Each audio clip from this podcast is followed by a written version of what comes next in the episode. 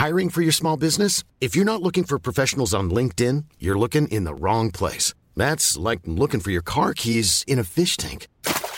LinkedIn helps you hire professionals you can't find anywhere else, even those who aren't actively searching for a new job but might be open to the perfect role. In a given month, over 70% of LinkedIn users don't even visit other leading job sites. So start looking in the right place. With LinkedIn, you can hire professionals like a professional. Post your free job on linkedin.com slash people today. Hey, how you doing? Heel hartelijk welkom bij Julia. Okay, meet me at the bar in 15 minutes and suit up. 이 자리에 오신 여러분을 진심으로 환영합니다. Listen to what Mr. Shelby has to say. We zijn er weer, Content Wars, je favoriete podcast over de wereld achter de content. Kirsten van Nieuwenhuizen is hier weer de reden dat je deze podcast hebt opgezocht. Hij is formaatontwikkelaar, de man achter programma's als Death to Question, tv-makelaar, Singletown... en hij zat in het team dat Big Brother ontwikkelde. Maar één keer in de week dan komt hij naar deze studio en dan is hij ja, onze podcast-orakel. Goed eh, dat je er weer bent. Mijn naam is Jelle Maasbach en deze aflevering hebben we Jasper Hogendoorn, de creatief directeur van IDTV. Ja, en zeg je IDTV, dan moet je op dit moment natuurlijk denken aan dit format. De verraders.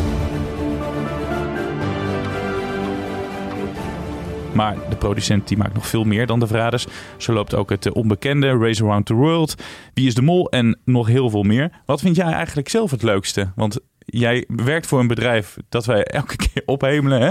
vanwege alle Ja, ja. successen. Zeker. Maar is er een format wat jij zelf het leukste vindt? Nou, ik luister ook heel graag naar jullie podcast. Kijk, nu al punten gescoord. Eh, ja, wat vind ik het leukst? Eh, van, die, van die titels bedoel je? Nee, van, van alles wat jullie maken.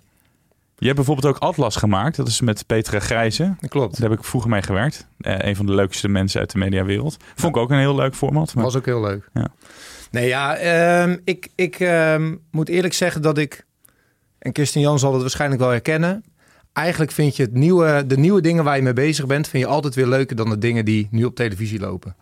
Want daar ga je, ja, daar ga je weer van aan, daar droom je van. Mhm. En als het er eenmaal is, dan is het oud in die open. Dat is natuurlijk fantastisch. Dat is heerlijk als je, ja, als je dat uiteindelijk kunt delen. Maar stiekem ja, ben ik altijd alweer bezig met het volgende. En dat vind ik eigenlijk veel leuker. Want daar zit nieuwe energie in. Daar ga je van aan, daar ben je mee bezig, daar sta je mee op. Dus de nieuwe dingen die je nog niet ziet... zijn misschien wel weer leuker dan de dingen die nu op televisie zijn. Maar daar kan je misschien ook nu niet over praten. Nou, dat is natuurlijk altijd een beetje ingewikkeld. maar dat is wel eh, ten diepste, denk ik, wat veel formatontwikkelaars eh, zullen herkennen. Ja, de, de, de dingen waar je, waar je nu zelf mee bezig bent, daar ben je het meest enthousiast over. Ja, eerst maar even, voordat we over al die formats eh, gaan praten, eerst over jouzelf. Hoe ben je bij eh, IDTV terechtgekomen? Ehm, door een glimlach. En dat was als volgt. Eh, ik heb altijd wel geweten dat ik televisie wilde maken, maar ik deed het niet. Ik werkte bij, eh, bij de publieke omroep, bij de EO zat ik. Ik deed daar van alles en nog wat radio, marketing, events, ehm, maar geen televisie. En ik wilde daar heel graag weg. Ik wilde televisie gaan maken. Was op een, eh, op een najaarsborrel van de EO. En daar liep Karen de Groot eh, rond. Toenmalig CEO van, eh van IDTV. Ja. En ik, en ik zag haar en ik dacht, shit, dat is, ja, ik wil bij haar werken. Maar ik kende, ik kende helemaal niemand in de televisie. Dus het was een beetje ongemakkelijk. Dus ik stond recht tegenover haar en ik, ja, ik denk, ja, eigenlijk moet ik nu met jou praten, want ik wil bij jou werken. Ehm, nou ja, en dat, daar bleef het bij met een glimlach. En via via eh, kwam ik toch met haar in contact. Een collega van mij toen die zei, eh, joh, Karen, eh, er is iemand die met jou wil praten. En ze zei, ja, zeker die gast die eh, naar me stond te glimlachen op dat feestje. Ze zei, ja, dat klopt, ja. Nou, toen zijn we aan de, aan de praat geraakt. En ehm, ze zei, ja, wat, wat, wat wil je dan gaan doen? Ik zei, ja, ik wil televisie maken. Maar dat heb je nog nooit gedaan. Ik zeg, dat klopt, maar ik denk dat ik het wel kan. Dus eh, ik ben wel bereid mijn contract op te zeggen als ik bij jou eh, mag komen werken. Nou ja, en een lang verhaal kort. Ze zei, nou, laten we het gewoon proberen. En dat was acht jaar geleden en ik zit er nu nog steeds. Nou, dan eh, was het wel een hele goede glimlach. Want je bent creatief directeur eh, daar geworden. Ja, dat Zegt klopt. hij nu met een big Ja. smile op zijn gezicht. Dat was de glimlach. Ja. Maar had je toen ook al eh, ide- eh, programma-ideeën? Ja, ik had wel ideeën. Ehm was ik ook wel mee bezig. Ehm, sprak ze nu en dan wel eens met, eh, met wat mensen. Onder andere met, eh, met Lennart en Sipke van, van Tinken. Eh, ja, dat voelde gewoon heel goed. Daarmee bezig zijn. De, de, de kritieken krijgen en er weer aan puzzelen om het en te schaven om het beter te maken. Ik dacht, ja, dat is uiteindelijk wat, ik, wat me wel echt heel tof lijkt om te doen. En wat doet een creatief eh, directeur? Want het klinkt tof. Maar wat houdt je functie in? Ehm, nou ja, kijk, uiteindelijk eh, is het belangrijkste denk ik voor ons. Kijk, bij IDTV vinden we eigen IP ontwikkelen eh, heel belangrijk en ook heel leuk. En het gaat goed. Eh, dus dat vind ik eigenlijk het belangrijkste van mijn werk. Dus samen met mijn team, een klein team, programma's ontwikkelen. Die proberen te, zo goed mogelijk te pitchen. Mhm. En dus te verkopen. En vervolgens meteen met de, nou ja, met de, met de gedelegeerde producenten en de rest van de teams nadenken. Hoe gaan we dat maken? Hoe gaan we dat maken? Dat het goed wordt. Dat we die kwaliteit krijgen waar we voor willen staan. Dat we er ook nog wat aan verdienen. Dat is ook wel fijn. Ehm, ja, en dat hele proces, dat, dat begeleid ik. Ja, en wij, wij zeiden het al, eh, een wereldhit hebben jullie nu al in, eh, in handen. De volgende waarschijnlijk nog een paar. Maar voordat je daar komt, moet je ja, ouderwets leuren met je format. Ja, Hoe gaat je dat af? Ja, best wel goed, denk ik. Ehm, het zijn lange processen. Het zijn vaak hele ja, ingewikkelde processen. Veel teleurstelling. Ehm, maar daarin ja, denk ik dat ik wel goed in staat ben om, eh, om niet op te geven, om door te gaan. Om steeds weer te zoeken naar een, naar een puntje dat je denkt van ja, hier, hier, eh, hier kunnen we het verschil maken. Zo kunnen we ze wel overtuigen. Ja, en de aanhouden wint. Het is een, eh, een cliché, maar het is, het, is, het is echt hartstikke waar. Toen jij acht jaar geleden bij IDTV begon, zat IDTV in een wat zwaardere tijd, zullen we maar zeggen. IDTV is natuurlijk ooit gestart door Harry de Winter, ehm, die ons ontvallen is. Was heel succesvol in de eerste jaren, vooral ook met drama, maar ook bijvoorbeeld een Lingo Ja. en Taxi hebben, heeft hij ook gemaakt. Goede, leuke programma's. Daarna is, eh, is het wat minder goed met IDTV gegaan. Wat, is er, wat hebben jullie veranderd de laatste acht jaar, waardoor jullie in één keer weer helemaal on top zijn? Is, er, is het op een andere manier aangepakt? Nou, ik denk wel dat we ehm, een jaar of vijf, zes geleden eh, kwam, kwam Taco Reismus. Ehm, en samen met hem ben ik wel echt gaan, eh, gaan zoeken van... Hey, waarin kunnen wij het verschil maken ten opzichte van andere producenten? En wat was dat? Eh, nou, in eerste instantie... ehm, kijk, IDTV staat denk ik al, al meer dan 40 jaar voor eh, een hele hoge kwaliteit aan programma's. We maken veel programma's die we, die we al heel lang maken. Denk Wie is de Mol, Denk Rijdende Rechter, eh, Bed and Breakfast, VT Wonen. Dat doen we goed. Dat zorgt ook wel voor dat zenders weten van... nou, die kwaliteit kunnen ze leveren. Maar in die tijd, een jaar of acht eh, geleden, was er weinig vernieuwing. Ehm en daarin zijn we gaan kijken van ja, hoe kunnen we ervoor zorgen dat klanten weer nieuwe dingen bij ons willen kopen.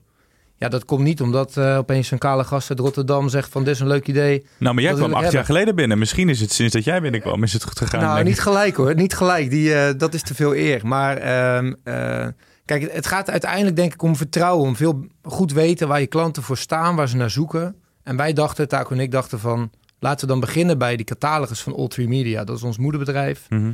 Daar zitten hele goede formats in. Eh, bijvoorbeeld Race Across the World komt daar nu ook, eh, ook weer uit. Eh, juist op orde wat we voor SBS hebben gemaakt.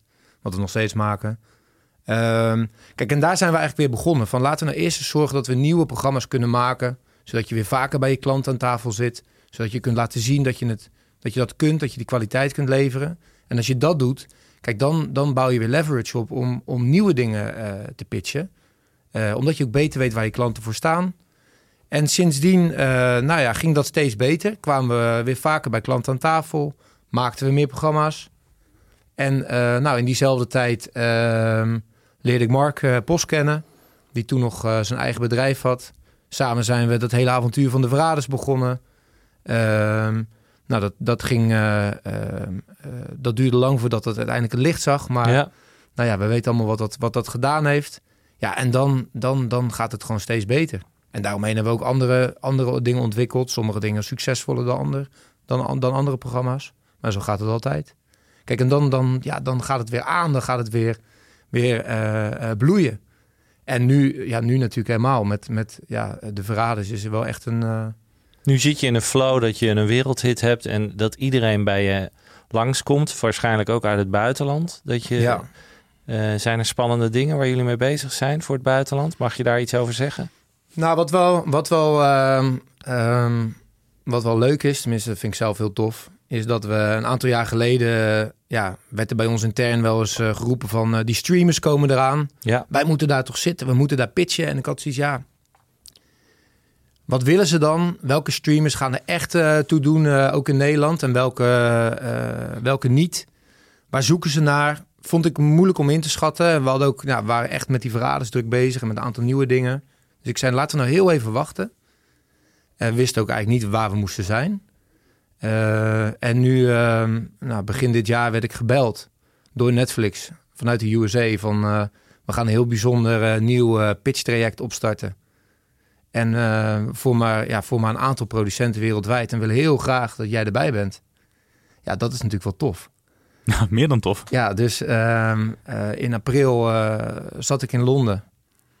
En ehm, ja, met eigenlijk alle executives van, eh, van, van non-scripted. Want ze zoeken steeds meer formats, zo, ook bij Netflix. Wat wel een interessante ontwikkeling is. En daar hebben we gepitcht. En eh, nou, dat, dat ging goed. Dus we hebben nu een, eh, een development deal voor een nieuw format. Wat we zelf ontwikkeld hebben. Wat we, eh, nou ja, dat ziet er gewoon heel goed uit. Dus je gaat wat op Netflix. eh Ja, Jesper Hogendoorn eh from the Netherlands. Ja. eh, ja. heeft gewoon, ja, dat is wel tof, zeg. Ja, we, zijn, we zijn natuurlijk nog niet helemaal. Zoals Nee, het altijd gaat, is een proces. Maar het is wel zo dat we nu, eh, nou, gewoon zoals dat dan bij Netflix gaat, betaald krijgen om door te ontwikkelen. Ja, en ze vinden het idee hartstikke tof en interessant. Dus ja, dan denk ik van, zo eigenwijs ben ik dan wel weer. Ehm, ik kan me niet voorstellen dat het niet gaat lukken. Wij, eh, wij hebben af en toe wat kritiek op de NPO ehm, over eh, het lef wat zij hebben ehm, om in Nederlandse formats eh, te investeren, zeker op amusementsgebied. Ja, Eh, misschien zijn ze het daar niet helemaal mee eens met mij, maar ik vind dat wel. Ik begreep dat de verraders, dat jullie twee jaar lang met de verraders bij de NPO hebben geleurd. ja dat klopt. Waarom hebben ze dat uiteindelijk? Wat was hun kritiek daarop? Ehm, Was het te veel amusement en te weinig maatschappelijke relevantie? Nee. Ehm het moet natuurlijk wel even graven. Het is, het, het is helemaal waar. We hebben dat eh, eh, lang, Mark en ik zijn veel bij de NPO geweest, om dat, om dat te pitchen. Eh, ik denk dat de belangrijkste kritiek, zoals het in ieder geval in mijn geheugen zit, is ehm, eh, ja, dat ze toch niet helemaal zagen waarom het zo'n goed idee was. Dat je wist wie die verraders waren. Ze keken heel erg naar Wie is de Mol, wat we natuurlijk ook maken. Mhm. Dat is kritiek die we veel gehoord hebben aan de Ja. voorkant. Die we ook kregen vanuit, het kijkers, eh, van, vanuit de kijkers bij de eerste aflevering eh, twee, drie jaar geleden. Dat het meespeelgehalte kleiner er is geen meespeelgehalte. Ja. En wij hebben echt altijd heilig geloofd in... eh, nee, je moet het juist wel weten. Want dan wordt het... Dan, dan ga je die psychologie zien en snappen. Ja. En nou ja, uiteindelijk zei de NPO van... Ja, ja, we geloven toch niet in dat het echt gaat werken. En we hebben de, de, de koning van deze formats, Wie is de Mol, hebben we. Ehm, dus we gaan het niet doen. We hadden pilots gemaakt. hè, echt, nou ja... Ik denk dat we er wel zes keer gezeten hebben. Ja. Met Dus heel veel enthousiasme. En toch hebben ze gezegd nee. Huur je dan ook BN'ers in voor zo'n pilot of zo? Ja, dat hebben we gedaan. Ja? Ja. Ik heb het zelf toen gepresenteerd. Oh, echt? Daarom hebben we het zeker niet verkocht. Dat is ook even... maar eh, nee, dat was ontzettend leuk om te doen. Maar je zag daar al gewoon in die, in die, in die speltest. Het was super simpel. eh, half uurtje. Maar je zag gewoon wat het deed met mensen. Ja. Ja, en dat was natuurlijk fantastisch. En uiteindelijk, dat ging ook niet van eh, de een op de andere dag. Maar toen, toen Peter van der Vorst en zijn team eh, dat zagen. En onze pitch hoorden. En eh, nou, we hadden al met hun nagedacht over hoe zou het bij RTL goed passen. Ja, toen zagen ze die, die, die pilot. Maar je moet blijven vertrouwen. Dat heeft Kirsten ook al heel vaak verteld. Die heeft ook natuurlijk formats die die niet in één keer verkocht. En uiteindelijk verkocht hij die. Maar je moet de hele tijd maar blijven vertrouwen. Want je wordt het afgewezen. Het is alsof je in de kroeg staat en eh, tien vrouwen achter elkaar zeggen... Nou eh, Jasper, eh Ja, gaat hem niet Ja, worden. maar- En dan de elfde wordt de vrouw van je leven, zeg maar. ja, Maar het is wel pittig, lijkt me. Dat elke keer die teleurstelling op teleurstelling. ja. En toch op je volhouden. Ja, nee, ja, dat, dat, dat, ehm, ja, dat is echt essentieel. Ja. Je moet er zo hard in geloven. En het is ook super moeilijk. Ik denk wel eens van, eh, als je een format ontwikkelt, dan is het, ja, dan is het alsof je verliefd wordt. Ja. Weet je wel, het is echt gewoon, ja, je gaat helemaal bruisen. Je denkt, ja, ik heb het. En, en, maar het moeilijke is natuurlijk dat je, denk ik, als je, nou ja, ehm, ik ben al eh, heel lang heel gelukkig met dezelfde vrouw. Nog steeds verliefd op haar. Maar gewoon dat, dat gevoel, dat eerste gevoel. Het moeilijke is natuurlijk, op het moment dat jij verliefd op iemand bent, dan, eh, dan is dat alles. Dan is dat de waarheid. Dan is dat de mooiste vrouw of de mooiste man die Ja. er bestaat. Maar Ja. is, feitelijk is dat misschien helemaal niet waar. Of als je de hele groep zou vragen, Ja. is het niet zo. En het moeilijke is natuurlijk dat je eh, in die flow ook alles goed vindt. Mhm. En je krijgt kritiek. Ja, en dan is dus de vraag, wat is, wat is kritiek waar je iets mee kunt, waarvan je denkt, ja, dat, dat klopt, dat moet, dat moet ik veranderen. Nou, En wat is kritiek dat je denkt, ja, dat kun je nu wel vinden, maar ik hou, ik hou hier aan vast, want dit is de essentie. En dat hele proces eh, ja, is een gevecht met jezelf, denk ik, met de mensen om je heen, maar ook met je klanten. ik vind het heel knap hoor, maar dat heb ik al vaak gezegd. Jullie staan dan wel echt stevig in je schoenen dat je nou elke keer door blijft gaan en dan toch die hits creëert. Maar wel terecht punt wat, eh, wat Kirsten net aanhaalt van, van de NPO heeft het afgewezen. Maar dan denk ik, hebben ze nu spijt en kan je nu misschien andere formats dan weer makkelijk aan ze sluiten? Of werkt dat niet zo? Ehm, nou, of ze, spijt, he- of ze spijt hebben, dan Nou, moet je dat- aan hun vragen. Dat lijkt Ja, mij wel, toch? Lijkt mij ook, ja. Ja. ja. dat lijkt me Ik eigenlijk kan me niet wel. voorstellen dat ze dat niet hebben. Maar ze zouden eigenlijk nu aan jullie deur moeten rammelen. En zeggen, breng de volgende. Kijk, het, wat, wat ik jammer vind, en eh, het blijf ik zeggen... Ja. is je hebt een, een deal met... Dat vind ik niet jammer overigens, als je een deal hebt met Netflix. Je hebt een groot succes bij RTL, wat natuurlijk geen Nederlands bedrijf is eigenlijk. Ehm, terwijl eigenlijk moet gewoon die NPO die hits eh, eh, betalen en, en, en mee ontwikkelen. Eh, dat, dat is een taak van de NPO om gewoon die creativiteit in Nederland ook te stimuleren. Ja. En nu ga je, zie je dat, dat succesvolle bedrijven gaan naar andere partijen toe. En het zijn vaak buitenlandse partijen die ook rechten krijgen. Ja, dat is gewoon eh, los van het feit dat dat idee er dan komt, dat- dat is hartstikke tof. Maar het is wel risico dus. Het is gewoon eigenlijk heel jammer. Dus daarom zeg ik ook van NPO moet gewoon veel meer daarop zitten. En moet gewoon nu bij IDTV op de stoep staan en zeggen... Goddomme, wij willen nu die volgende hit hebben. Mhm. En je ziet dat ze dat volgens mij... Die NPO blijft gewoon achterover zitten en, en kom maar langs. Maar ze doen zelf heel weinig moeite. Dat vind ik doodzonde. Ehm, ja, dat, ik denk wel eh, dat, dat, dat, dat daar wel een kern van waarheid in zit. En het- is ook gewoon wel ehm, heel ingewikkeld. Kijk, vanuit onszelf, wij, wij zijn denk ik met een aantal hele mooie ideeën bezig. Ook, nou, we hebben net weer eh, een, een pilot opgenomen voor RTL voor een nieuw programma. Nou, dat, dat ziet er echt heel goed uit. Daar zijn we heel enthousiast over. Weer RTL, hè? Hartstikke verliefd. Ja, weer RTL. Ja, maar, ja, dat, maar kijk, eh. voor ons is het, tuurlijk. ja, maar RTL, voor ons is het, voor ons is het gewoon zo. Wij, wij zoeken gewoon naar de beste eh, launching partner Ja, voor nieuwe ik. programma's. En ik vind daarin dat, dat RTL ehm, eh, dat gewoon echt heel goed doet. Er zitten goede mensen, er zitten goede makers. eh Ralf de Beurs, Paul Koormond, die, die eigenlijk be- betrokken zijn vanuit de RTL Creative Unit om, ja, om mee te denken. Oké, goed idee, maar hoe past het nou bij onze zender? Dat is heel belangrijk. Dat vind je niet overal. Ehm, nou, en zij, zij, zij zijn ook in staat, want het is natuurlijk een. Kijk, zo'n zo'n hit creëer je niet. Ja, je creëert het format en je creëert het idee. Maar het feit of het ook echt slaagt en echt meteen zo groot is, dat zijn van zo, dat zoveel factoren zijn daarvan afhankelijk. De, de marketing, de plek in het schema. ehm, ja, gewoon, gewoon hoeveel, hoeveel steekt zo'n zender, hoeveel energie steken ze erin om het zo groot te maken. Kijk, en dat doet RTL gewoon heel goed. En dat is bij de publieke omroep gewoon echt wel ingewikkelder. Niet alleen vanwege, denk ik, de ruimte in het schema, maar ook vanwege toch de betrokkenheid van, van publieke omroepen die weer andere belangen hebben. En ja, mijn, mijn eh, bescheiden mening is dat dat, eh, dat dat bij de NPO ingewikkelder is. En dat je creatief gezien toch een beetje in een moeras eh, belandt. Misschien ook kortere lijntjes. Je hebt Peter van der Vorst. Eh het kan zo zijn dat hij jou een appje stuurt. Nou, die zal misschien wel echt bellen. Van, eh, hey, ik heb weer een, een, een gat in programmering. Of ik... Nou, meestal is het andersom. Hoor. Ja, meestal, dat jullie wij, jullie hem meestal zeggen wij We hebben van Peter, idee. we hebben weer iets. Ja? Ja, ja. En dan mag je langskomen. ja, dan mogen we langskomen. Of we zijn vanwege een ander programma zijn we er. En dan, nou, dan hebben we wel eens dat die... eh, heb je nog iets? En dan denk ik, ja, nou ja. Ja, eigenlijk wel, Ja, ja. maar het is ook niet zo gek. Ik bedoel, eh, de Verraders, de Onbekende, Race Around the World. Het, is allemaal, eh, het zijn allemaal hits bij, Ja. bij RTL. Dus dat RP RTL bij IDTV op de stoep staat... of ze graag wil zien langskomen, dat is evident. Eh, en dat snap ik ook. Eh, dus, dus kijk, dat, eh, zij zullen voor RTL de komende tijd dingen blijven maken... en nieuw, met dingen, nieuwe dingen komen. Zo werkt dat gewoon. Ja. En NPO moet gewoon veel, eh, veel meer moeite doen om, eh, om naar IDTV. IDTV is op moment hot. Daarop inspelend, tenzij jij nog verder wil over dit onderwerp, is natuurlijk nu de vraag, en daar hebben we het eh, bij de introductie eind vorige week eventjes over gehad. IDTV staat te koop. Ja, Eh, Nou, all, three niet, all three media. Nou ja, IDTV is, is op dit moment natuurlijk de parel in, eh, eh, in het pakket van All Three Media. Daar hebben jullie heel goed voor gezorgd de laatste twee, drie jaar.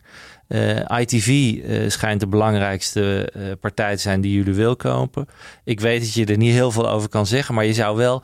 Wat, wat zou je ervan vinden als ITV jullie zou kopen? Ehm, nou ja, kijk, ehm, m- voor ons zijn het ook geruchten, dat is oprecht waar. Wij, Ja. wij weten er heel weinig van. Het is ergens eh, hoog over eh, belangrijke mensen in, eh, in, eh de United Engeland States het. en Engeland Ja. die daarover praten. Ja. Eh, maar het gerucht van ITV hebben we zeker ook gehoord. De- En ik denk ook wel dat dat waar is. Ehm, ja, wat zij ervan vinden. Ik vind het ingewikkeld. We hebben het natuurlijk echt wel over eh, intern. Het is ingewikkeld omdat je niet weet wat er gaat gebeuren. Ehm, ja, blijf je standalone opereren onder een groot merk als ITV? Of gaat dat toch op korte of lange termijn in elkaar over? Ja, het is heel ingewikkeld. Het is een, eh, het is een grote partij. Eh, maar dat is all three ook. Ehm, wij weten goed wat, je, wat, wat de voordelen zijn, denk ik, van onderdeel zijn van zo'n grote partij. Zeker als je nou, formats wil ontwikkelen en internationaal wil, wil wegzetten. Dus dat zal zeker kansen, kansen bieden. Ehm, maar ja, ja, ik vind het ingewikkeld. Het is ingewikkeld omdat je weet gewoon niet wat er gaat gebeuren en Nee, wat, bij- het, wat het betekent. Bij All Three weet ik een beetje dat jullie best wel veel vrijheid hebben. Hè? Het is een fijne partij om mee te werken. Zeker. In die zin niet heel Engels, zou ik maar zeggen. Eh, Engelse partijen willen over het algemeen best wel veel controle hebben. Ja. Het zijn niet de makkelijkste partij om mee te werken. Dat denken mensen vaak, maar dat is echt niet zo.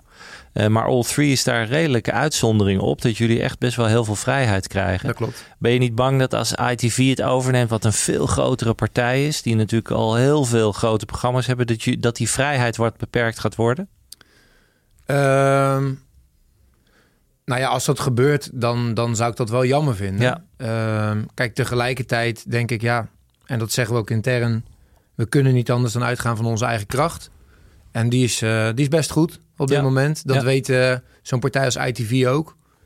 Ehm, dus zolang, ja, zolang we daarvan uitgaan en, en gewoon goede dingen blijven ontwikkelen, ja, dan zal er links of rechtsom zal er ruimte voor zijn. Want bij ITV gaat misschien niet bij alle luisteraars een belletje rinkelen, maar noem eens op, die hebben echt gigaformats al. Nou, The Voice is natuurlijk van ITV. Ja. Ehm, in Nederland zit een hele grote producent eh, van ITV, waar Karin de, de Groot nu de directeur van is, directrice. Eh, ITV heeft een aantal schandalen achter de rug. Nu, of nog niet eens achter de rug. Eh The Voice was natuurlijk, maar in Engeland speelt een heel groot schandaal met ochtend-tv, waar ook ITV bij betrokken is. Dus ITV heeft best wel een hoop problemen. Eh, maar het is een hele grote partij, heeft ook zijn eigen zenders. Ehm, dus eh, met All Three erbij worden ze echt een hele grote partij. Een van de grootste misschien wel in de wereld. Ja. Ehm, dus dat is interessant. Eh, daardoor krijgen ze heel veel power. Maar vaak bij dat soort hele grote partijen is dat ze ook heel log worden. Hè? Net als een olietanker. Ja. Eh, dus de vraag inderdaad is, hou je je autonomiteit een beetje en kan je een beetje vrij eh, laveren daarbinnen? Eh, dus dat wordt heel spannend. We doen nu alsof ITV jullie al gekocht heeft. Dat is zeker niet het geval. Zeker niet, nee. Eh, dus voorlopig... Denk eh, jij dat het doorgaat? Jij kan er wel wat over zeggen natuurlijk. nou, ik denk als de geruchten zo sterk zijn, eh, acht ik de kans best wel groot. Dus dat soort geruchten komen niet zomaar uit. Dus ik denk dat de kans best wel groot is dat het gaat gebeuren. De vraag is welke andere partij. Je hebt ook nog Bunny Jai natuurlijk, wat inmiddels waar Endemol onderdeel van is. Dat is een hele grote partij wereldwijd. Die zal ongetwijfeld ook naar All Free Media kijken, omdat het gewoon een interessante partij is nu. Zeker door zo'n hit. En de partij wordt natuurlijk heel interessant. Dat was bij Endemol destijds ook toen het Big Brother had. Toen wilde in iedereen eh Endemol overnemen. Telefonica heeft toen Endemol gekocht voor Ja. 5 miljard. Nu eh All Three zo'n grote hit heeft als de Verraders. En daarnaast echt nog wel heel veel andere interessante formats. Je noemde er een paar, zeker een aantal van IDTV. Maar All Three heeft veel meer goede formats. Dan worden ze in één keer heel interessant voor grote partijen. Dus als het ITV niet wordt, dan zal het zomaar eens Banijay kunnen zijn. Ik ben gek, gek op eh, Ruud Hendricks. Ik heb met hem samengewerkt bij BNR. Die eh, zei met een big smile, ik had aandelen. Dus het was heel leuk. Ik weet niet of jij aandelen hebt. Nee, dat is een pijnlijke vraag. Oh, dat zegt genoeg. Oh, dit is jammer. Dat, heb je, dat is dan weer niet goed onderhandeld, eh, Jasper. Dat scoop. Ik ben nog zo van leren, mannen. Hey, jij vertelde, jullie maken voor Talpa, maken jullie ehm, ehm, Mijn Huis, hoe heet het ook? Je huis op orde. Je Huis op Orde. Maken jullie meer dingen voor Talpa? VT Wonen. VT Wonen heel al heel lang. Succes. en dat ja. doet het goed. Ja, dat Ja. doet het goed. Ehm, Lingo hebben we natuurlijk eh, gemaakt de afgelopen jaren. Wat nou, nu helaas weer gestopt is. Ja. Overigens wel internationaal weer heel grappig. Heel goed doet. echt En weer, de opmars eh, weer bezig, hè? Ja, ik heb dat toen... Zelf ben ik bij, eh, bij, bij, eh, bij John de Mol geweest om, daar, eh, nou, om dat weer te pitchen en een beetje aan te passen. En sindsdien, eh, ja, het loopt nu gewoon primetime CBS in Amerika. Met Ja. Ru- RuPaul. RuPaul Ja. presenteert Ja. ja. Dus dat is echt wel heel interessant. Eh, dus dat, eh, dat zijn een aantal programma's die we doen. Ehm, het zijn ook wel weer met wat nieuwe dingen bezig. En wat ik heel leuk vind, ik ben eh, naast eh, eh, mijn werkzame leven klus ik graag. En we zijn met een heel tof nieuw klus reality programma bezig. Voor Talpa. Dat, ja, dat gaat bij Veronica komen in het najaar. Oh, wat Oh. grappig. Ja, echt heel leuk. Ja, we hebben drie gasten gevonden. Gewoon super tof. Nou, je hebt het vast gehoord, maar Rotterdam en omgeving, eh, daar hou ik van. Eh, daar komen ze vandaan en het wordt echt, eh, ja, het wordt echt heel tof. Gewoon knallen met eh, drie Rotterdamse bouwers. Gewoon lekker gaan. Gewoon Ja. lekker bouwen. Leuk. Heerlijk. Nu is het gerucht die vorige week bekend werd. Dat, je bent echt van de geruchten. ja, Jij bent de onderzoeksjournalist van geworden. Nou, het gerucht is dat, dat Hans Klein en... ehm, Frans eh, Klein. f- sorry, Hans Klein. Frans, Hans Klein. Kazan. en- Hans Kazan, Frans Klein en Remco van Westerlo gepolst worden om Ja. daar eh de programmaleiding te gaan doen bij, bij Talpa. Eh, dat zou wel, eh, wel weer eh, bijzonder zijn. Niet zozeer voor Remco van Westerlo, die heeft vaker voor John de Mol gewerkt, maar Frans Mhm. Kleine volgens mij nooit. Denk je dat dat meer, meer mogelijkheden gaat geven voor IDTV? Want jullie hebben natuurlijk vaak bij Frans Klein gezeten en ook met Remco. Als hij bij Talpa aan de slag gaat. Nou, ik denk qua mogelijkheden maakt het niet zo heel veel uit. We hebben inderdaad wel gewoon goede relaties met, met deze heren. Maar ook met de mannen die er nu zitten. Dus daar zie ik niet zoveel ehm, eh, verschil in. Maar het is, eh, ja, het is een interessante... Ja, toch? Het is een interessante. zou wel een goed tandem kunnen zijn, toch? Nou, het, is een, het, het, het was een goed tandem. Het is natuurlijk nu eh, een beetje, ligt een beetje stil omdat Frans eh, thuis zit, zover ik weet. Ja. Eh, maar dat was zeker wel een eh, goed, eh, goed tandem. Goed mee te praten, Nou ja. veel, veel ervaring natuurlijk. Het lastige is natuurlijk bij Talpa dat er iemand boven staat die uiteindelijk bepaalt wat er gebeurt. Ja, die schijnt eh, nogal invloed te hebben. Die schijnt invloed te hebben. Dus en hoe dat, schijnt die te heten dan? ja, iets met eh, de mol aan het Ja. einde, toch? Volgens mij. Ja. Dus dat, dat wordt voor iedereen een uitdaging. Toen Erland bij Talpa ging werken, kon hij ook niet een potje breken, volgens mij. Terwijl hij bij RTL toch heel succesvol was.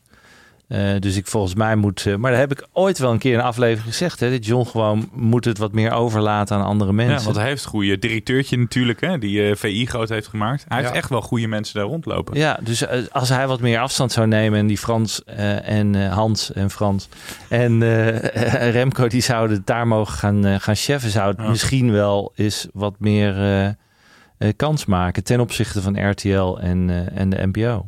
Je hoeft geen namen te noemen, maar is het soms ook niet lastig dat je bij bepaalde mensen moet pitchen en dat je denkt, oh, die snapt mijn idee helemaal niet. Als je met een verraders of met een ander goed format, met een klusformat. eh, ja, ergens- dat is wel. eh, dat is eh, zeker ingewikkeld, maar dat is ook onderdeel van het proces. En daar moet je dus wel ja, handig mee omgaan. ja, ook daar moeten jullie goed mee om. En ook daarin dus wel, want ook al ja, zeggen ze natuurlijk vaak dingen die je niet wil horen. Want je, ja, je wil gewoon dat het lukt, je wil dat het slaagt. Elke keer als je gaat pitchen, denk je, ja, dit is de dag dat we het gaan verkopen. En dat is natuurlijk 9 van de 10 keer is dat helemaal niet zo. Dus het is ook wel ja, zelf kritisch zijn, denk ik. En, en zoeken van, oké, ik ben het er wellicht niet helemaal mee eens. Maar wat, wat is de essentie van wat ze willen vertellen? Waarom ze niet, nu nog niet beslissen? En wat kunnen we daar weer mee? Dat is wel het spel wat je altijd speelt. Mhm. Maar frustrerend is het zeker. Ja. Bij de verraders zei je van heel veel mensen zeiden die de kijkers mogen niet weten wie de verraders zijn. Snap ik, want dat is werkt natuurlijk bij de mol heel goed. Ja. Eh, dat hebben jullie niet doorgevoerd, waar, eh, wat, wat ik knap vind van jullie om gewoon vast te houden. Is er een hele belangrijke tip geweest waarvan jullie gezegd hebben: Oh ja, dat was misschien wel iets wat we veranderd hebben? Naar aanleiding van kritiek van, eh, van een zender. Ehm, Wat er toen veranderd is aan de verraders. nou, nee, eigenlijk niet. Be- Kijk, behalve dan... Vanaf het begin heb ik... ehm, eh, ik zat laatst nog eens terug te zoeken. Gewoon het systeem, de gamestructuur van de verraders... die denk ik essentieel is. Die heb ik eh, in het begin al helemaal eh, uitgeschreven. En die staat nog steeds voor 80, 85 procent. In, in, in, in hoe, eh, hoe het programma nu wereldwijd... Die, die hit is die het is geworden. Wat denk ik heel belangrijk is geweest... in ieder geval met, met RTL... is dat we met hen best lang hebben nagedacht over... maar wat wordt de arena waarin we het gaan vertellen? Ja. En daarin is wel eh, eh, het team van Peter eh, ehm, en hij zelf ook trouwens wel, wel belangrijk geweest. Omdat wij ooit zijn begonnen op een schip. En we hebben het in de woestijn Ja. gepositioneerd. Ja. Ja. En we hebben het in de toekomst ge- gepositioneerd. En een beetje in de, eh, de, de, de Peaky Blinders-achtige setting. Hebben we allemaal over nagedacht. Elke keer weer van... van maar, en elke keer was het spel was gewoon wat het, wat het nog steeds is. Het heette gewoon elke keer wat anders. Eh, toen wij het pitchten bij eh, de eerste keer bij RTL heette het Verraad van Marrakesh. Was het in de woestijn. Het was gewoon precies hetzelfde programma, maar wij Ja. dachten op dat moment, oh, misschien moet het wel daar zijn. Misschien maken we daarmee het verschil. Ehm, en dat zag Peter bijvoorbeeld helemaal niet zitten. Eh, en toen, ja, toen, toen raakte het toch aan de praat van, ja, zou het niet in een kasteel moeten zijn in Schotland? En nou ja, toen hebben we daar, zijn we daar uiteindelijk op doorgegaan.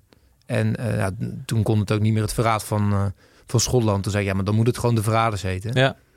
Daar ben ik wel benieuwd naar. Dat is dan een vraag aan jullie allebei. En begin ik met Jasper. Want ik heb dit verhaal bijvoorbeeld ook gehoord over The Voice. Dus een John de Mol die verzint The Voice. En die merkt dat dat niet helemaal loopt. En dan zegt, zo wil het verhaal, Roel van Velsen... je moet met de stoelen, omdra- eh, stoelen omdraaien en dan slaan. Wat echt de kracht is. Dus Ja. iemand komt met een aanpassing. Stel dat Peter zegt het moet in een kasteel. eh, dan verandert hij misschien iets aan het format. Deelt diegene dan mee? Of is dat gewoon... eh, Nou, in het geval van RTL wel, ja. Maar dat, is- dat is ook gewoon heel normaal. Ehm, kijk, als wij nieuwe formats pitchen bij ehm, ehm, waar dan ook... mhm. dan is het tegenwoordig altijd zo dat, dat een partij als RTL bijvoorbeeld zegt... ja, maar wij willen wel meedelen in de rechten. En dat vind ik ook niet gek, omdat zij, zij investeren ook mee. Kijk, wij Zij zijn de etalage natuurlijk in zij feite. zijn een etalage, zij betalen ons voor iets wat nog niet bestaat. Dat is ook een gok van hun kant. Zij eh, steken veel geld in, in, in, in de promotie, die, eh, nou ja, gewoon ontzettend belangrijk is voor het creëren van een succesvol programma. En dat ze daar iets voor terugvragen, dat vind ik niet zo raar. En dat is niet 50-50, dat is wel een iets minder percentage. Ehm, gangbaar is in principe wel 50-50.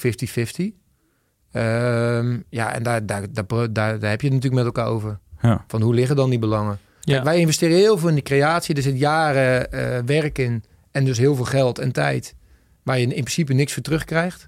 Dat is, eh, nou, daar kunnen we nog wel eens langer over hebben. Maar dat is wel hoe het systeem werkt. Ja. En op een gegeven moment als een zender zegt... nou, wij, wij durven de gok aan. Want zij nemen een gok. Want ja, je, ja, natuurlijk zeg ik dat dit het allerbeste is... wat je ooit kunt bedenken. Maar ja, het, het is geen wetenschap. Nee. En eh, dat ze daarop investeren en dus zeggen, ja, wij willen daar een deel rechten voor terug. Ja, dat is niet zo heel raar. En daar nou ja, profiteren ze dus nu hartstikke van. Want er wordt, er wordt goed aan verdiend aan de Verraders Internationaal. En RTL verdient daar ook gewoon goed geld aan. Ja, dat is. En streamers die vragen vaak nog meer. En een Netflix die wil gewoon 100% van de rechten. Ja.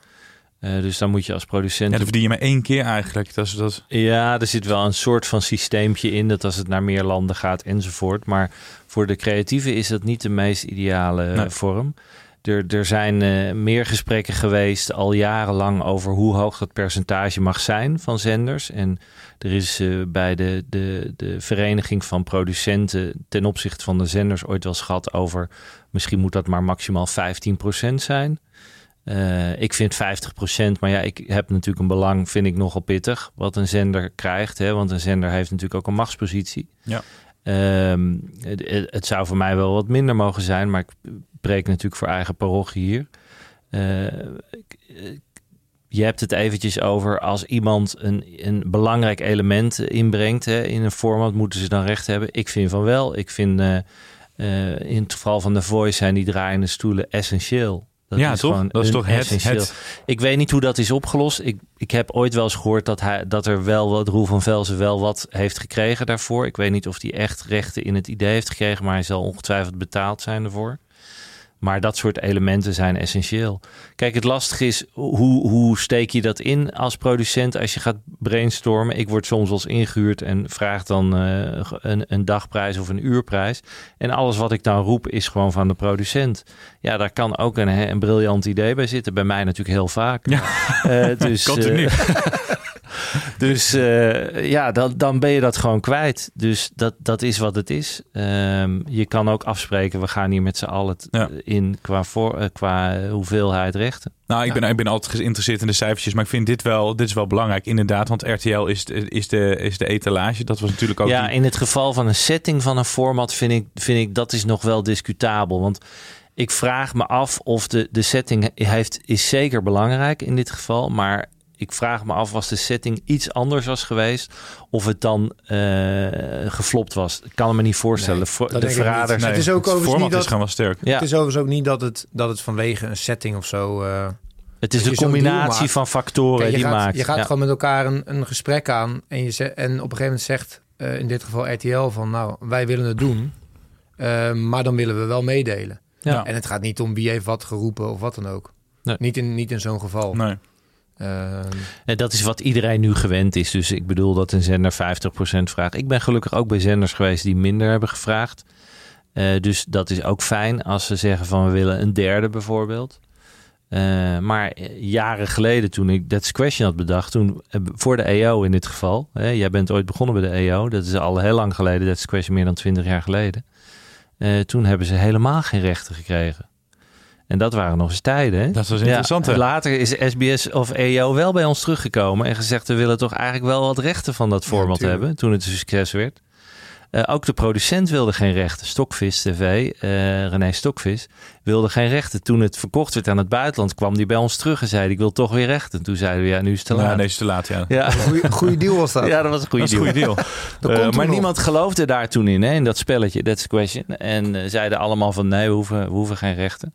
Nou, daar hebben ze zich op verkeken. Maar dat is natuurlijk gewoon vaak het ding. Ja. Dat als er niemand in gelooft, is het makkelijker. En wij merken dat nu ook. Ja, nu, nu wil opeens iedereen werken. En gaat iedereen opeens nadenken. Oh ja, we moeten ook nadenken over die, eh, hoe het zit met eh, die rechten en die rechten en die rechten. Want ja, er gaat gewoon veel geld eh, in om. Als het een hit iedereen wordt. wil ja. een graantje meepikken. Ja. Ja. Hey, eh, over eh, toekomstige rechten dan maar eh, gesproken. Je zegt dus dat je met iets leuks bezig bent voor Veronica. Een ander programma had je het over waar je dan niet veel over kon vertellen. Netflix. Zou je kunnen zeggen, nou, je hebt alles al binnen. Of zijn er nog dingen waar je van droomt?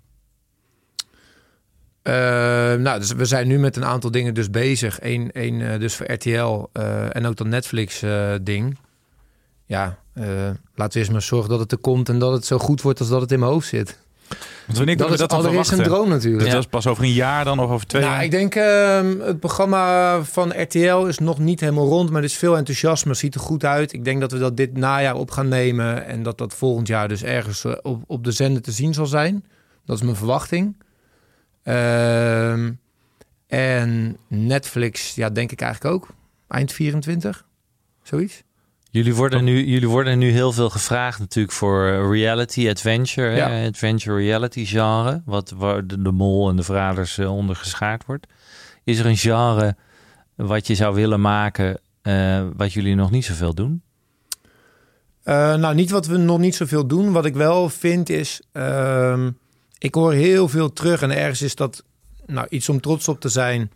Dat de zenders helemaal plat gepitcht worden met eh, adventure reality. En dat Ja. er altijd wordt gezegd, nou, het is een beetje zoals de Verraders, maar dan net even anders. nou, dat is een mooi compliment. Tegelijkertijd heb ik zelf zoiets van, ja, ehm, ik denk, en ik weet ongeveer wel wat er allemaal besteld eh, is.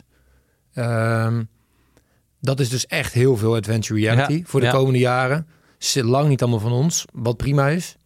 Eh, maar ik ben dus vooral met mijn team bezig van wat is het volgende ding? En dat, nou, wat we dus voor RTL is echt een heel nieuw genre. Wat denk Dat je dat het volgende ding is? Ehm, nou, dat wat we zelf mee bezig zijn, ga ik niet zeggen. want dat is niet slim, ben, ben ik ook achtergekomen. Ehm nou, ik denk dat, dat, tenminste, dat vind ik voor onszelf wel interessant. Eh, factual entertainment is een ding waar wij de laatste jaren wat we maken met de rijdende rechter en bed and breakfast bijvoorbeeld. Maar dat zijn natuurlijk ook titels die al zo lang lopen. Daar zou ik wel iets nieuws aan toe willen voegen. Als je kijkt hoe Married at First Sight de wereld heeft veroverd. eh Kopen zonder kijken doet het natuurlijk hartstikke goed. Dat genre Ja. ehm, is, is denk ik heel interessant om, om daar weer iets nieuws op te ontwikkelen. We zijn er bijna, maar eerst naar onze grote vriendin. Zou het hier werken? Twee keer op rij kwam Lisette van Diepen met een format dat hier niet zou werken. Je Nee. was nogal onverbiddelijk. Keihard. Keihard. Wat denk jij voor deze keer? Ze, ze, ze zin speelde al een beetje Ja, erop dat ze- deze het niet ja, zou worden. Ja, maar je- kijk, Je weet het niet. Mensen vragen wel eens van, weten jullie iets ervan? We weten echt niet Nee, waar we ze mee echt komt. niet waarmee ze komt. Eh, dus ik ben heel benieuwd. Maar ze gaf inderdaad al een hint van het zou zomaar zijn derde nee op een rij kunnen worden. Dus Ja, maar daar heb ik ook weer een hele goede reden voor verzonnen ondertussen. Want ik had een week de tijd. Hè? Ja, die Ja. zitten van diep en je hoort haar stem. Hi, hi. Aankoopmakelaar, vriendin van de show. Wat kunnen we nog meer vertellen? ja, topper internationaal Nou, stop maar. aankoop. Stop maar. Wat heb je Want dan begint ze weer te blozen. Stoppen, stoppen met die actie. Oké, het is zomer, dus we gaan naar Frankrijk. Eh, We hebben nog niet zo heel veel formats die Nee, eh, nee, van oorsprong uit Frankrijk eh, komen besproken. Dus dat vond ik heel leuk. En dit format heet La Cinquante, de 50. En dat is gelanceerd op eh W9, W9. En dat is het zusje van MC's. En dat zit allemaal in de RTL-groep. Het is commerciële zender.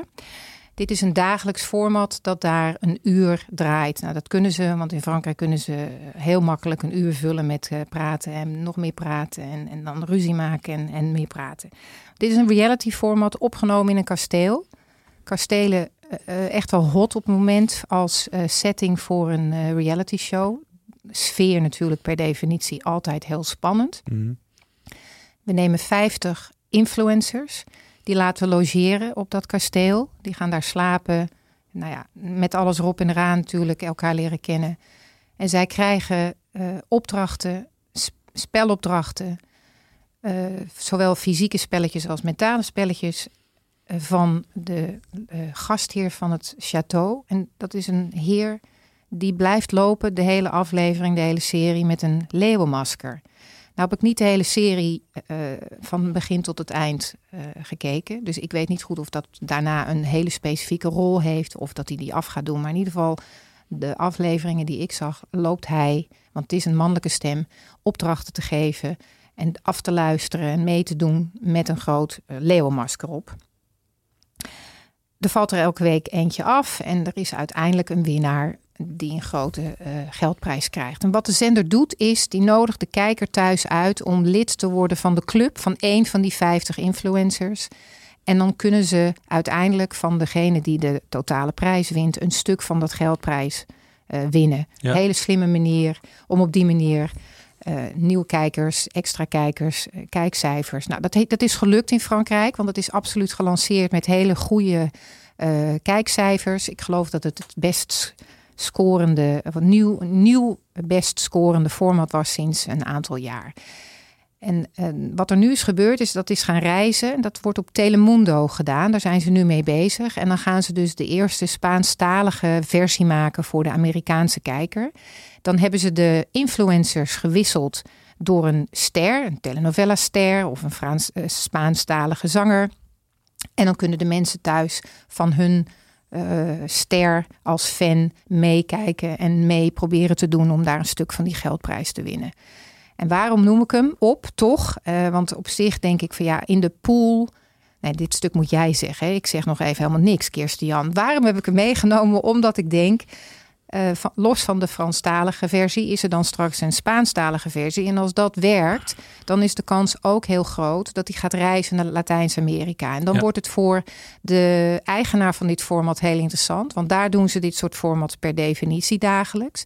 En dan bestellen ze er geen 20, zoals je hier wellicht zou krijgen. Maar dan gaan ze, beginnen ze eens een keer met 80 afleveringetjes. Ja. Dus dan wordt het eh, commercieel gezien ineens heel interessant.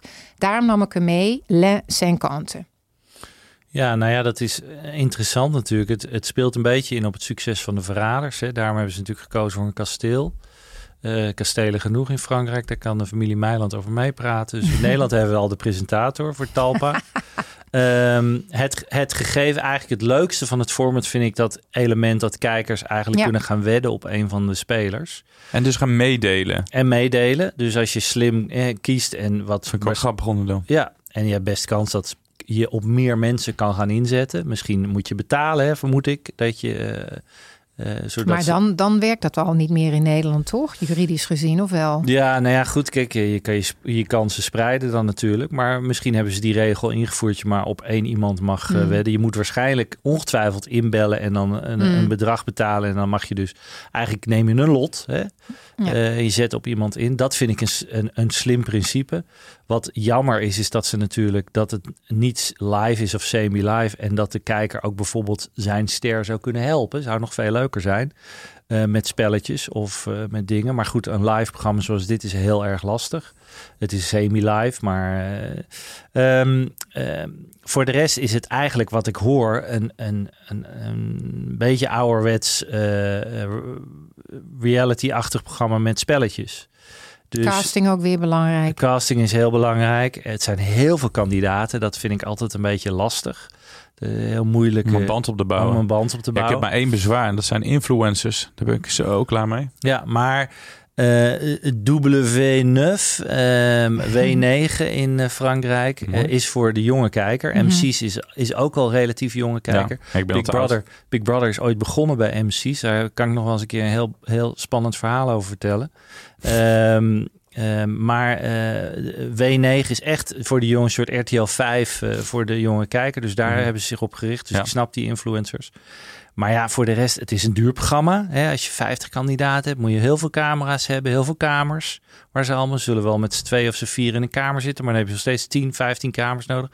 Ik weet niet of Nederland hier geld voor heeft. Dat is het, het grote probleem. Wel als je heel veel van het budget krijgt doordat heel veel mensen gaan inbellen. Maar we hebben eh, Tina vorige week ook horen zeggen... de jonge kijker onder de 39 kijkt bijna niet meer lineair. Dus ga je genoeg kijkers krijgen? Dat is de vraag. Dus ik vraag me heel erg af welke zender dit zou kunnen doen. SBS eh, of eh, eigenlijk alleen maar RTL zou dit waarschijnlijk kunnen doen. RTL 4. Ehm, Talpa zie ik dit niet zo heel snel doen, eerlijk gezegd. En NPO gaat dit ook niet doen.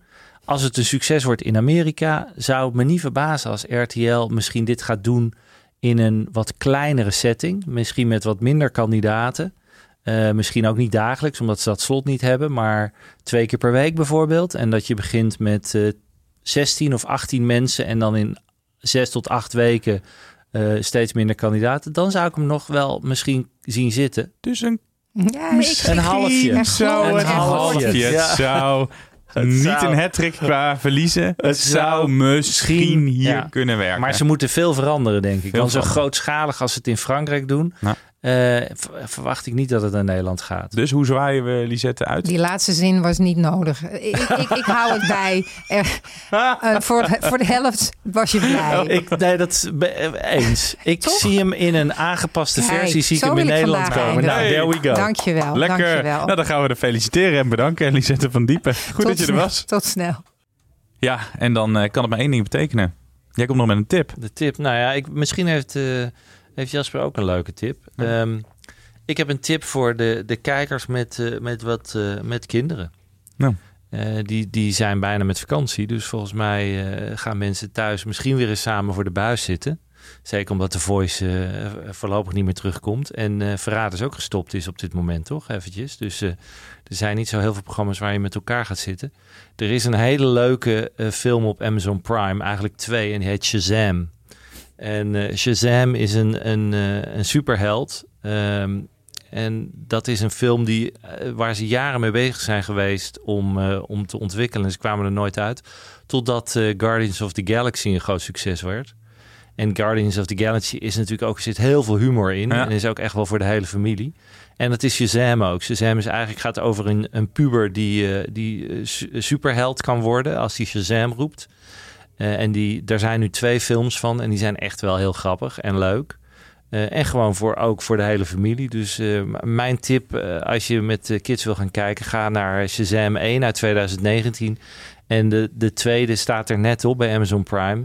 Die is iets minder goed dan de eerste, maar is nog steeds heel onderhoudend. Amazon Prime. Mooi. Dat je ook aan de mensen met kinderen Ik denkt. denk daaraan. eh, ik denk Jelle. Ik denk, de moeder mensen- Teresa van deze aflevering. Heb jij nog iets wat je aan het kijken bent of wat, eh, Waar je blij van wordt. waar je blij van wordt? Ik ben... ehm, Niet te verraden, dus nu gaan we nee, zeker niet. Zeker niet. Nee hoor. Je hebt zoveel geplucht al. Het is nog meer mensen zijn aan het komen. De verrader is De nooit van gehoord. verraders. Nee hoor. We moeten waken voor een overkill, wat mij betreft. Ehm, nou, ik ben op het moment niet heel veel aan het kijken, maar ben wel net weer even begonnen aan het nieuwe seizoen van, uh, van Mokker Mafia op Videoland. Ja. Ik vond het vorig seizoen eh, tegenvallen. Waarom? Nou, omdat ze een eh, verhaallijn hebben opgezet daar met, met eh, kinderen. Wat wel erg afleiden van de, de, de hoofdpersonages wat mij betreft. Ik vond dat niet zo sterk. Ja. Maar dit seizoen eh, ja, is wel echt eh, heel goed wat mij betreft. Dus ik zou het zeker kijken. Mokro Mafia, Videoland. Ja, Altijd dankjewel. goed, ja.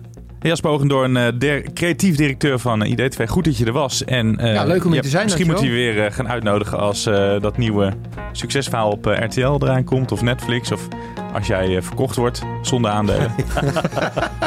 Komen we je troosten. Leuk, Dank dat je er was. dankjewel.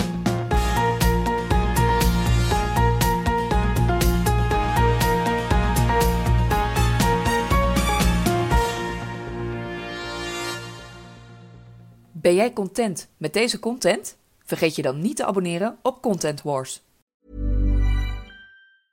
Mom deserves the best, and there's no better place to shop for Mother's Day than Whole Foods Market. They're your destination for unbeatable savings, from premium gifts to show-stopping flowers and irresistible desserts. Start by saving 33% with Prime on all body care and candles. Then get a 15-stem bunch of tulips for just $9.99 each with Prime. Round out Mom's menu with festive rosé, irresistible berry chantilly cake, and more special treats. Come celebrate Mother's Day at Whole Foods Market.